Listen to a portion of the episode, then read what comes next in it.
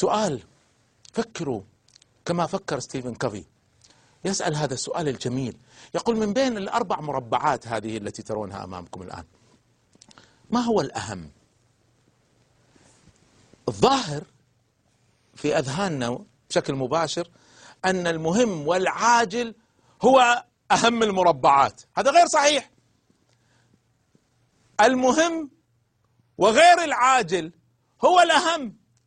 أي ما هي الأمور المهمة غير العاجلة؟ سأريد أريد أن أبني علاقة مع شخص معين لأني أريد أن أستثمر هذه العلاقة في اتجاه معين، أريد أن أطور علاقتي مع أولادي، أمر مهم جدا، أو زوجتي والله العلاقة يعني فترت والآن أحتاج أجددها، هذا أمر مهم جدا لكنه غير عاجل يعني، غير عاجل معنى ما هو بالضروري غدا ولا بعد غد، ممكن أجلها أسبوع أسبوعين. فأمر مهم وغير عاجل، أريد أن أكتب خطة حياتي، أريد أن أتعلم مهارة معينة مهمة جدا، كلها أمور مهمة لكن غير عاجلة، طيب سؤال أيهم أهم؟ هذه الأمور ولا أني أنجح في امتحان؟ في الغالب لو لو فشلت في الامتحان أقدر أعوضه بطريقة أخرى. أعيد المادة كلها آخذ شهادة أخرى أنتقل لجامعة أخرى كلها ممكنة. لكن هذه الأمور ما التعويض لها؟ لو فكرتم وتعمقتم ستجدون أن الفاعلية الحقيقية هي في أن الإنسان يقضي حياته في الأمور المهمة وغير العاجلة. هذه أهم من المهمة والعاجلة في الغالب. فتفكروا في هذا.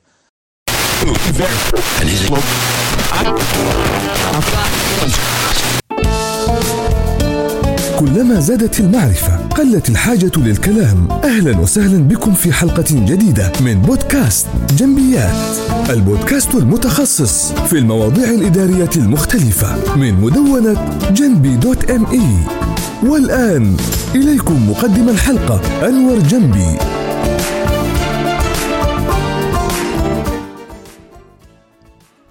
السلام عليكم.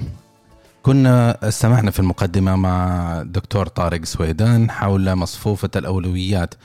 وصراحة هو المقطع كان في اليوتيوب وحببت أنه أشاركه معاكم. كان يعني درس جدا جميل. حنحط إحنا الوصلة لهذه المحاضرة لطارق السويدان على في ملاحظات البودكاست هذه الحلقة. أهلا وسهلا فيكم في حلقة جديدة من بودكاست جنبيات. وموضوع اليوم موضوع شيق جدا. ومن ناحية شيق فهو مفيد ومهم وله أثر كبير إن شاء الله في حياتنا وفي تقدمنا وفي فعاليتنا. قبل ما ندخل في محاضرة أو في بودكاست اليوم أو حلقة اليوم المحاور اللي حابين نتطرق لها. حابب أشارك معكم قصة واقعية عشتها في أحد المنظمات. دخل علينا هذا القيادي. كنا في اجتماع كبير وكل الإداريين موجودين. فدخل علينا الإداري هذا وقال لنا قصة وصراحة يعني كان لها أثر كبير جدا في الشاهد من هذه القصة. هذا الإداري حكانا أنه كان في منظمة سابقة قبل أن ينضم إلينا في في سابق سنوات وفي حفل آه، وداع هذا الإداري من المنظمة. المنظمة أهدته هدية وهدية غير عادية فعلا. الهدية كانت الرقم اثنين مبروز في برواز.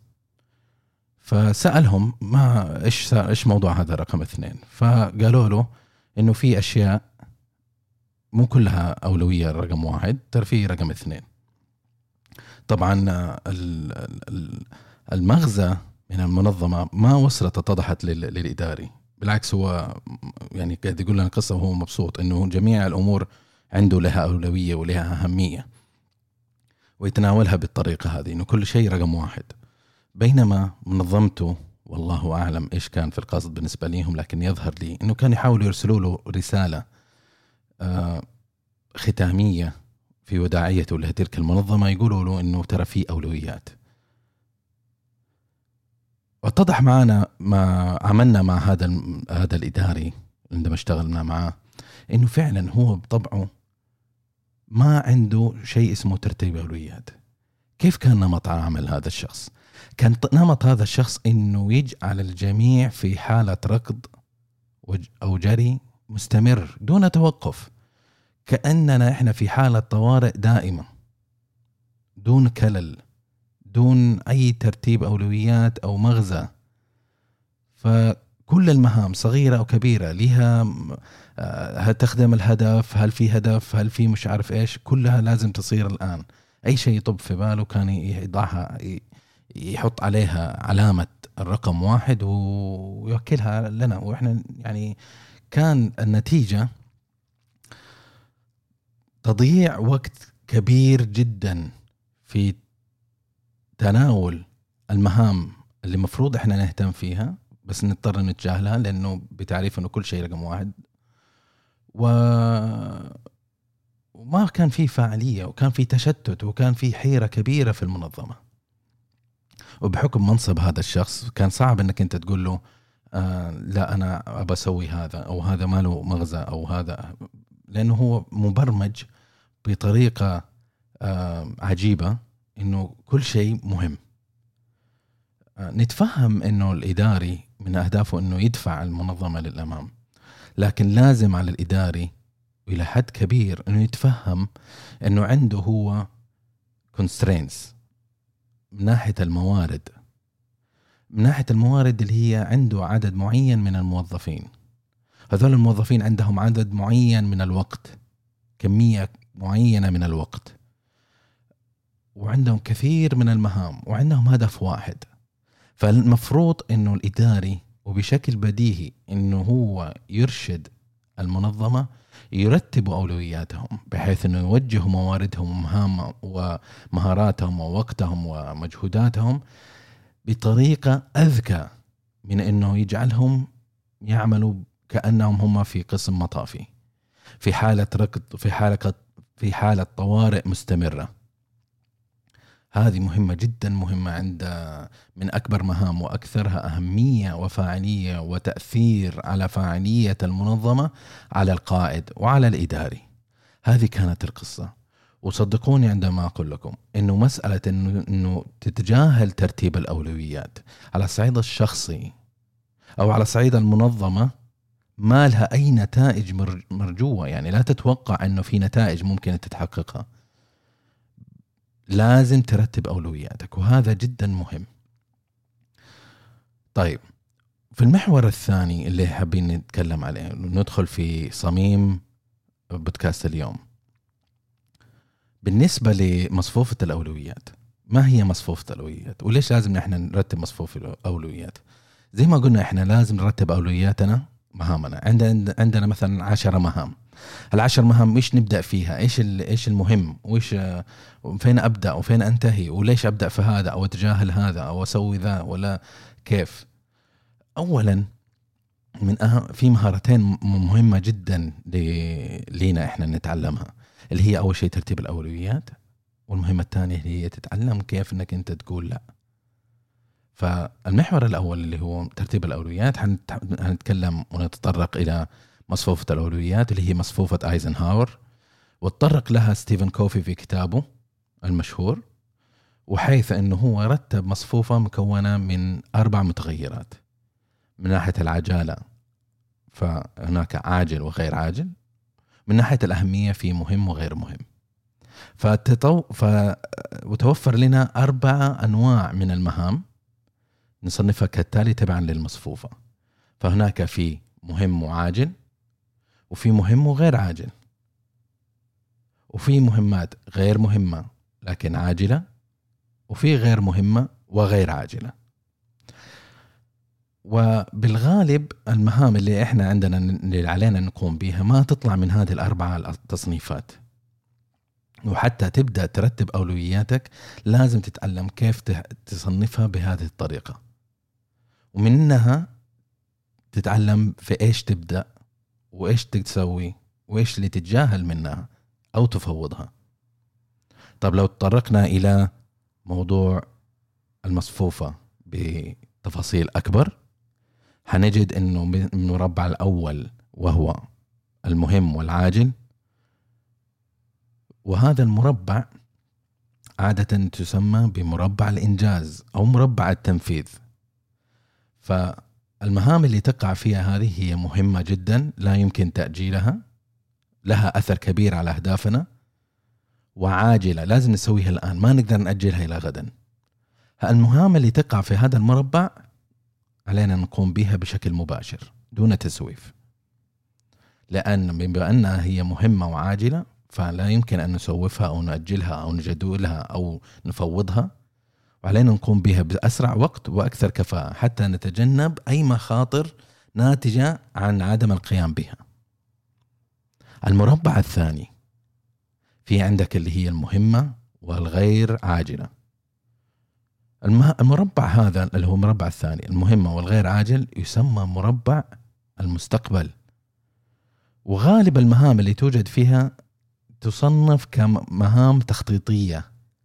بحيث إنه هي مهم انك تقوم بها لكنها تصب على المدى الطويل ولكن أنت تقدر تجدولها فما هي عاجلة. فعلينا جدولتها والقيام بها بأقرب وقت. فتقول إنه أوكي أنا بسوي آه، أحطها في جدولي أسويها الأسبوع القادم أسوي جزء منها الأسبوع القادم اللي بعده أسوي كذا فلازم تجدولها. لكن يجب في نهاية المطاف إنها تنفذ وإلا نتائج سلبية سوف تقع بخصوص تحقيقك لهدفك أو في أعمالك. المربع الثالث واللي هو غير مهم لكن عاجل. وهذا المربع بسبب وجود عامل العجالة إنه مستعجل عليه. الشخص عادة في الغالب لا ينتبه إنه هذه المهمة غير هذه المهمة غير مهم. ليش؟ لأنها عاجلة. فتضع طابع الأهمية بالنسبة ليها. يوهمك إنها مهمة بس هي غير مهمة. كم مننا إحنا نروح نقوم بعمل ما نحس إنها عاجلة وهي عاجلة فعلا. لكن غير مهمة. فنقوم بيها لكن إحنا ما- ما انتبهنا إنها غير مهمة. ونقوم فيها ونحط مجهود ومش عارف إيش وهذا. لكن في نهاية اليوم نكتشف إنه ما استفدنا ترى فعلا شيء. سويناها أوكي الحمد لله. لكن هل استفدنا منها شيء؟ لا ما استفدنا منها شيء. وهذا المربع يسموه مربع الخداع. والمهام في الغالب اللي تصنف غير مهمة لكن عاجلة علينا جدولتها أو تفويضها لأحد القيام بها. تصنف لها وقت تقوم به أو تعطيها لأحد ثاني يسوي بحيث أن ما يأثر على جدولك أنت. طيب بالنسبة للغير مهم والغير عاجل وهذا المربع هو المربع يسمى بمربع الضياع. والمهام اللي في هذا المربع إحنا علينا إنه نقوم بها لاحقا متى يعني سمحت الظروف نقوم بها نتم المهام اللي مصنفة فيها أو نأجلها إلى أجل غير مسمى. ما دام إنها مه- غير مهمة وغير عاجلة ليش أحط لها أحط لها أهمية؟ ومربع الضياع هذا يسمى مربع الضياع لأنه مفروض أصلا إنه إحنا الأشياء الغير مهمة وغير عاجلة أصلا ما نسويها. ليش ليش نضيع وقت نستثمر؟ ما دام إحنا عندنا مهام عاجلة ومهمة وعاجلة وعندنا مهمة وغير عاجلة وعندنا ال- ال- الغير مهم والعاجل نفترض ليش إذا إذا عندنا كل هذا المهام ليش نحط شيء مجهود من مجهودنا ووقتنا نضيعه في أشياء غير مهمة وغير عاجلة؟ فعشان كذا يسموه مهم آه، مربع الضياع. الآن متى تقوم بالمهام اللي تقوم فيها في هذا المربع؟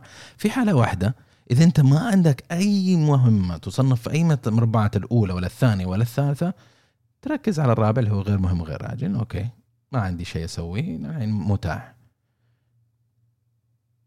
أتمنى إنه وضحت الفكرة. فعندك أنت زي ما قلنا اربعه اربعه تصنيفات اللي هي مهمة وعاجلة ومهمة غير عاجلة وغير مهمة وعاجلة وغير مهمة وغير عاجلة. وانتبه كثيرين منا ينغمسوا في هذا المربع الضياع اللي هو المربع الرابع الغير مهم والغير عاجل.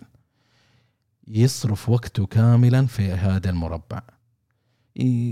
ومن ناحية الفاعلية إحنا نتفهم إنه نحب آه، يعني we socialize من ناحية الص- ال- الحياة الاجتماعية من ناحية الزمالة نروح نتكلم آه، نتفرج مباراة ن- نقضي وقتنا في في في هواياتنا آه، نروح الاستراحة ما في مشكلة. لكن أنت لازم تجدولها وتسيطر عليها بحيث أنه ما تأثر على المربعات الثانية.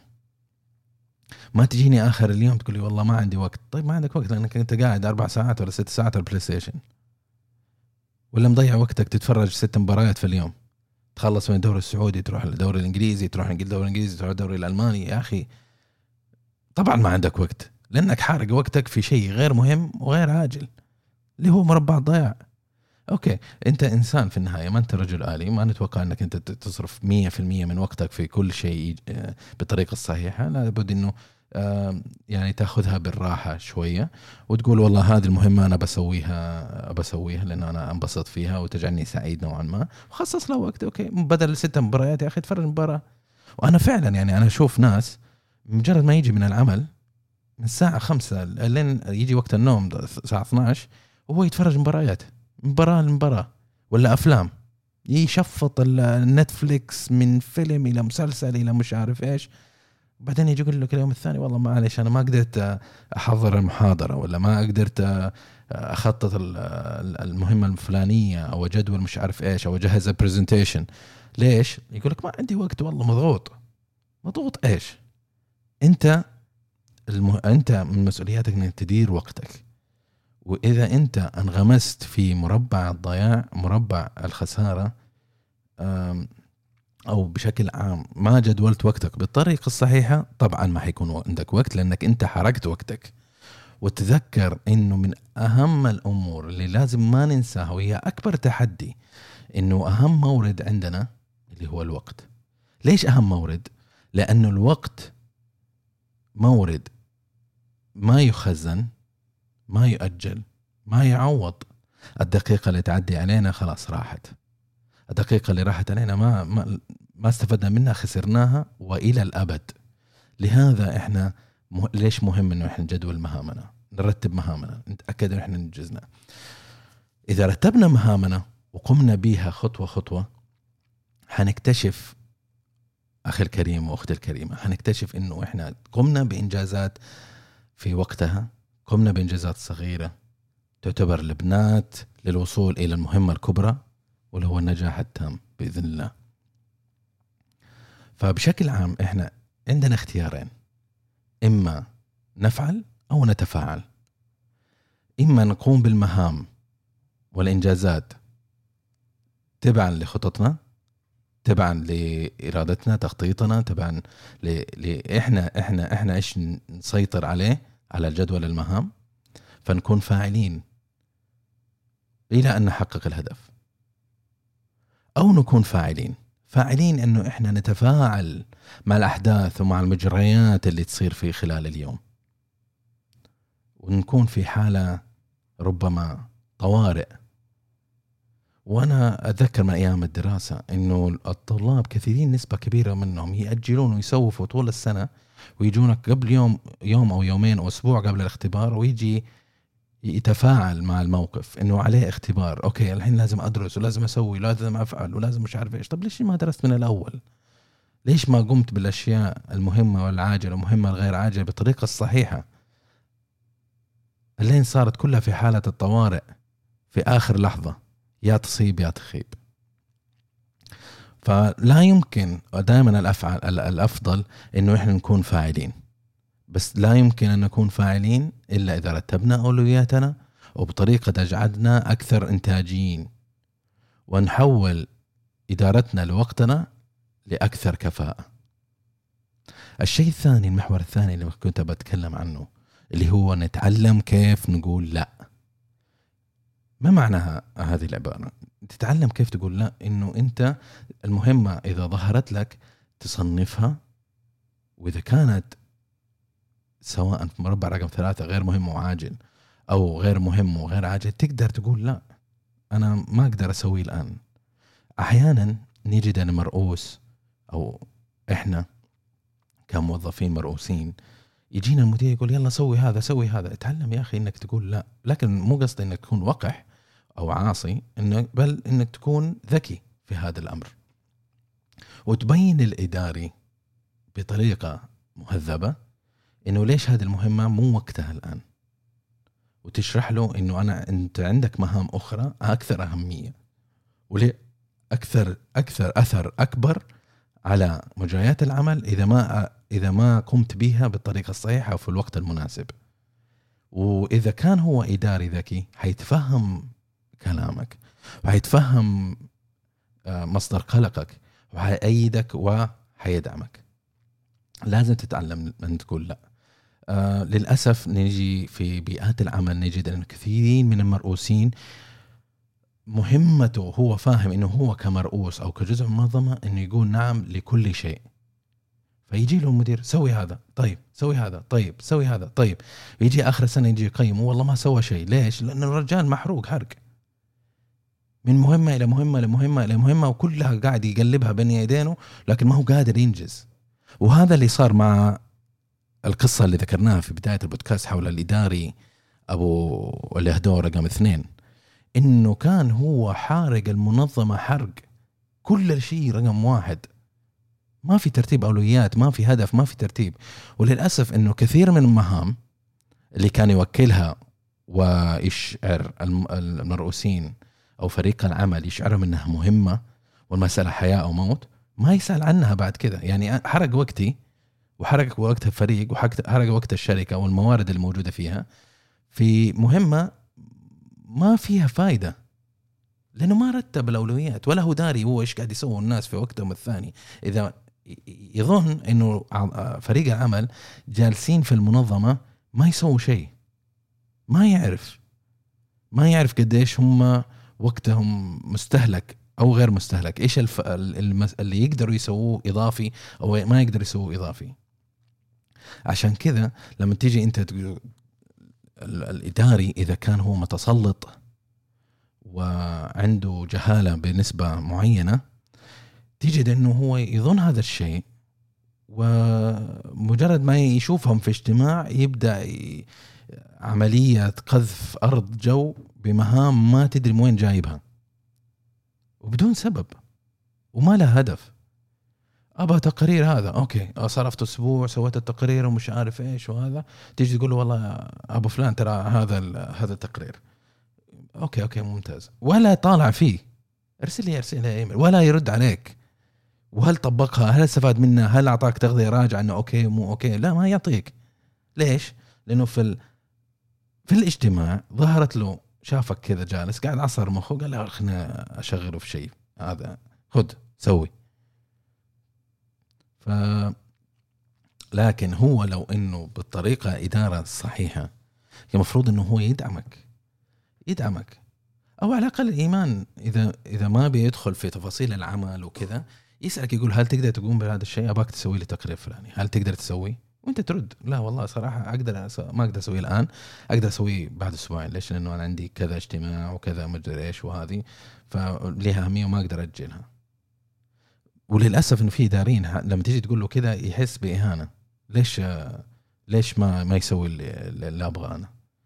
وهذا الفرق بين الإداري اللي يدير الناس وفرق بين القائد.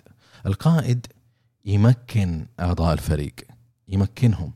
يمكنهم إنه يدير وقتهم بنفسهم يحسوا بالمسؤولية يمس... ويديرهم بمعايير قياس بطريقة ذكية. يا أخي لا تدير الناس أنت لما تيجي تكون ك... كشخص تنفيذي ويكون عندك طاقم عمل من الإداريين ليهم خبرات من عشر سنوات انت طالع؟ ما يحتاج أنت ترى تنزل لمستوى الأنزل وتقعد تدير وقتهم وتقول لهم سوي هذا وأعمل هذا وترى أنا أحتاجك تسوي ذا ما يحتاج أكون تسوي هذا الشيء. وبالعكس لما تروح تنزل لهذا المستوى الإداري يحس بانتهاك نوعا ما ويظن إنك أنت غير مؤمن في قدراته إنه هو يقدر يقوم بالعمل. أعطيه المهمة الرئيسية اللي المفروض يقوم بها وهو عليه إنه يكسرها يكسر هذاك ذاك الهدف الكبير إلى مهام صغيرة إلى أهداف صغيرة. كلها تصب إلى تحقيق الهدف الكبير. ومن أجل الرقابة والإدارة من أجل الرقابة والتصحيح ممكن إنك أنت تحدد معايير قياس وتتأكد خلال السنة إنه هل مجريات العمل تمشي بطريقة صحيحة تبعا لقراءات معايير القياس اللي أنت ذكرتها ال objectives ال KPIs فتطالع فيها وتشوف okay هذا تمام يعني ماشيين okay وخلاص كذا هذه طريقة الإدارة. لكن أما إنك أنت تجري ورا كل كبير وصغير وتحاول إنك أنت تقنعهم وتراقبهم وتوكل لهم مهام و بتضيع بتضيع الموضوع كاملا وبشكل كامل بيضيع وما أنت محقق شيء. وحزنه لما جينا رجعنا إحنا لموضوع القصة هذيك اللي حقت آه، الرقم اثنين. هل كانت المنظمه فعلا أنتجت شيء؟ صدقوني يا جماعة إنه هذيك السنة اللي شهدتها مع هذاك الإداري كانت أفشل سنة شفتها أنا في كل وقتي معهم. لا حققوا ولا شيء. ما حققوا ولا حاجة. لا في الأرباح لا في الأهداف لا في التطوير لا في التحسين لا في ولا حاجة ولا شيء. وإنما كانت أكبر انتكاسة ممكن تصير لأي منظمة. ليش؟ لأنه هذا الإداري دخل في المنظمة وبدأ في micromanagement عجيب. وانتهك أي شيء له معنى في في تنظيم الوقت. يجي يقول لك والله ابغاكم تسووا هذه المهمة أو هذا المهمة. والناس آه، يحتاروا هو كل شيء في عجالة وكل شيء في رقم واحد. ويحتاجوا ويضطروا إنهم يأجلوا عشان يراضوه هذا الشخص صاحب القرار. يضطروا إنه يأجلوا مهام ثانية مع اجتماعات. ياما اجتماعات مع عملاء صفقات وقفت عشان أنا أضطر إنه أسوي لهذا الشخص الشيء اللي يبغاه. والعجيب إنه بعدين بعد بعد فترة يجي يقول لك والله المهمة الفلانية ليش ما سويتها؟ طيب وانت أشغلتنا ب 20600 موضوع قبل؟ ولا أنت مو معانا في الدوري ما أنت معانا في في الموضوع ما أنت عارف إيش قاعد تسوي. وانت شاغلني في هذا وهذا وهذا وهذا كله الأسبوعين اللي فاتت أنت تبغاني أسوي هذا كله؟ طب كيف أسوي المهمة هذه اللي هي صميم عملي أنا؟ إذا إنك أنت تحاسبني على الأهداف اسمح لي أدير أدير وقتي وأدير مهامي بنفسي وراقبني بال KPIs معايير القياس. لكن إذا إنك أنت تبي تدير المهام الصغيرة لا لا تقيمني على المهام لأنه أنت بتاخذ القرار. أنت اللي بت بت بتقوم بإدارة الوقت أنت اللي بت بتقسم المهام أنت اللي بتوجه بالمهام أنت اللي أنت أنت صاحب القرار لجميع المستويات. إذا أنا فقط شخص أنفذ. فمفروض في العالم المنطقي إنه أنا غير إذا غير محاسب على النتائج. أنا محاسب على النتائج الصغيرة المهام الصغيرة هذه أعطتني إياها. أنا محاسب عليها. حاسبني إذا ما سويتها. حاسبني إذا تأجلتها ولا سوفتها ولا ما سويتها في الجودة. أوكي. بس المهمة الكبيرة ما هي مسؤوليتي. ليش؟ لأنه أنت أخذت على عاتقك إنك أنت تدير الشركة كلها أو الفريق كامل وتوزع المهام وتراقبهم وتدفهم إنهم هم يتحركوا باتجاه واحد معين أنت حددته. اذا النتيجة الكاملة للمنظمة الهدف الكبير ما هي مسؤولية الجميع. مسؤوليتك أنت. أنت فشلت. أنت ادرتهم بهذه الطريقة المشوهة الإدارية المشوهة وأنت فشلت في تحقيق الأهداف. مش أعضاء الفريق. أعضاء الفريق لو تركتهم وهدرتهم بذكاء كقيادي المفترض اللي انت تتحرك فيه بالطريقة اللي تتحرك فيها كان انت استفدت من خبرات أعضاء الفريق أعطيتهم الثقة مكنتهم you empowered them وتحركوا بذكاء أكبر وكفاءة أكبر. وإذا هم ما يعرفوا يرتبوا أولوياتهم المفروض إنك أنت ترشدهم وتعمل لهم coaching من مهامك أنت كإداري إنك أنت تساعد هذا الجيل الجديد اللي هو أدنى مستوى منك في في الخبرة وتصب خبراتك أنت معهم وتحاول تساعدهم إن ينتقلوا من مرحلة إلى مرحلة ثانية ويصبحوا أكثر كفاءة. وهذه من أكبر مهامك أنت كإداري. قبل أن ننهي حلقة اليوم إدارة الوقت مهمة جدا مهمة. ترتيب الأولويات المهام ما تقدر أنت تعمل كل المهام دفعة واحدة ولا تضحك على نفسك. من ناحية تعدد المهام إذا فعلت هذا الشيء وخليت كل شيء مهم حتسوي تعدد مهام اللي هو multitasking multitasking النظريات أثبتت إنها أقل جدوى ومؤثرة على الصحة. إنك أنت تقوم بجميع المهام في دفعة واحدة هذه multitasking معناته أنت ما حيكون فيها أي جودة في قيام العمل المخرجات حتكون بطيئة. الدراسات أثبتت يا جماعة الخير إنه لما تقوم ب multitasking لما تقوم بمهام كلها من غير ترتيب من غير وضع أولوية لإيش تقوم به وتقوم بها كلها دفعة واحدة بطريقة تشتتية كبيرة. حتكتشف إنه إنجاز تلك المهام تصبح كفاءتها أقل وتاخذ وقت أطول لأنك أنت قايم بخمسه ستة مهام دفعة واحدة فتقدمك في أي مهمة ما تنجز إنجازك ما في ما تشوف نتائج من مدى طويل جدا وربما باحتمال كبير إنك ما تنجز. فانتبهوا من موضوع تعدد المهام انتبهوا من المخاطر هذه ونتمنى إنه ما في أحد منكم يواجه مشكلة وجود إداري جاهل يوجه المنظمة ويوجهك أنت الاتجاه إلى ال multitasking ويجبرك إنك أنت تلخبط جميع ترتيبات أولويات مهامك وتصبح المنظمة غير منتجة. كنتم مع حلقة أخرى من بودكاست جنبيات. ندعوكم لزيارة المدونة على جنبي dot ME ومتابعتنا على قنوات ال social media. دمتم بود وفي أمان الله.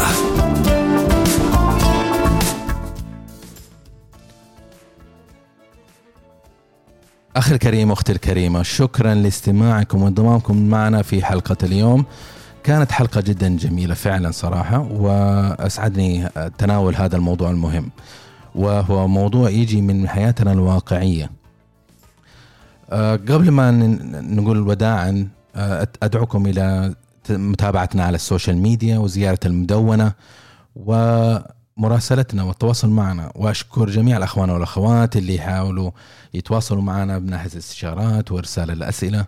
وهذا شيء جدا يسعدنا. أتمنى إذا المحتوى في هذه حلقة اليوم بودكاست جنبيات نال رضاكم وجدتم فيها الفائدة. أتمنى أنكم تشاركوها مع شخص واحد على الأقل. ساعدونا في توصيل المعلومة اللي نحاول نوصلها ولكم الأجر بإذن الله.